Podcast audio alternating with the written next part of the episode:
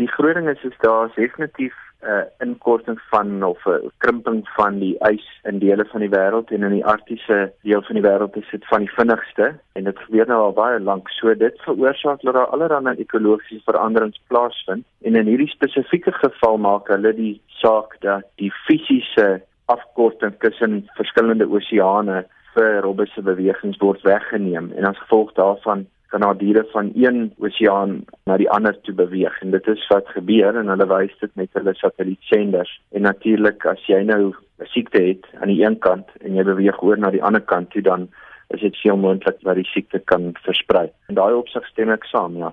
Watter virus is hier ter sprake?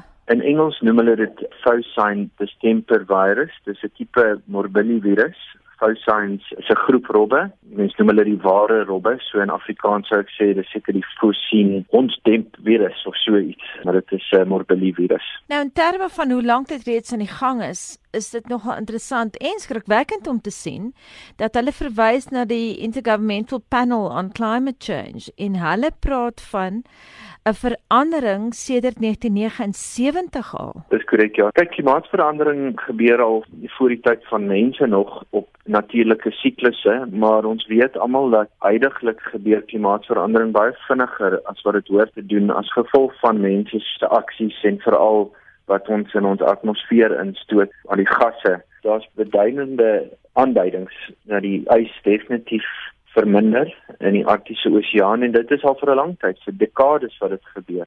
Die Suidelike Oseaan byvoorbeeld sien ons by Marion Eiland waar meeste van ons werk is dat daar klimaatsveranderingspatrone is al vanaf die 50s, 1950s wat baie duidelik is, minder reën, meer wind, meer sonskyn daar en so voort. En in die Arktiese Oseaan is dit vinniger of net so vinnig. Sou 'n mens die verspreiding van die virus op enige manier kon bekamp?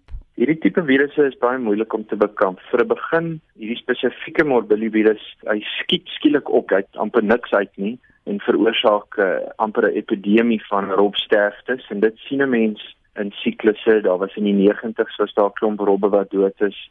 So in 2002 is dit weer en toe later in die 2000s is daar weer 'n klomp robbe hier in die Noord-Atlantiese Oseaan wat dood is die bekamping van sulke virusse kan 'n mens aandink in plekke soos dieretuine en so waar jy inentings kan gee en so voort. As daar bekamping is vir so siekte, maar in die natuur oor die algemeen gaan dit baie moeilik wees. Jy gaan moet selfs al is daar een of ander oplossing vir die siekte, gaan jy by al die diere moet uitkom in 'n wille area waar ons in elk geval sukkel om die diere selfs te sien, nie ten minste by hulle uit te kom nie. So daar is nie eintlik manier om dit te bekamp regtig nie nee. Wat gaan die langtermyn implikasies wees? Jong, dit is altyd moeilik om te antwoord daai uh want ons weet nie, maar wat ons wel weet is soos wat die ys verminder, is daar verandering in sirkulasiepatrone van die oseane en dit is nie net in die noordelike halfrond nie, in die suidelike halfrond kan ons klaar sien om Antarktika ook dat seestrome verander.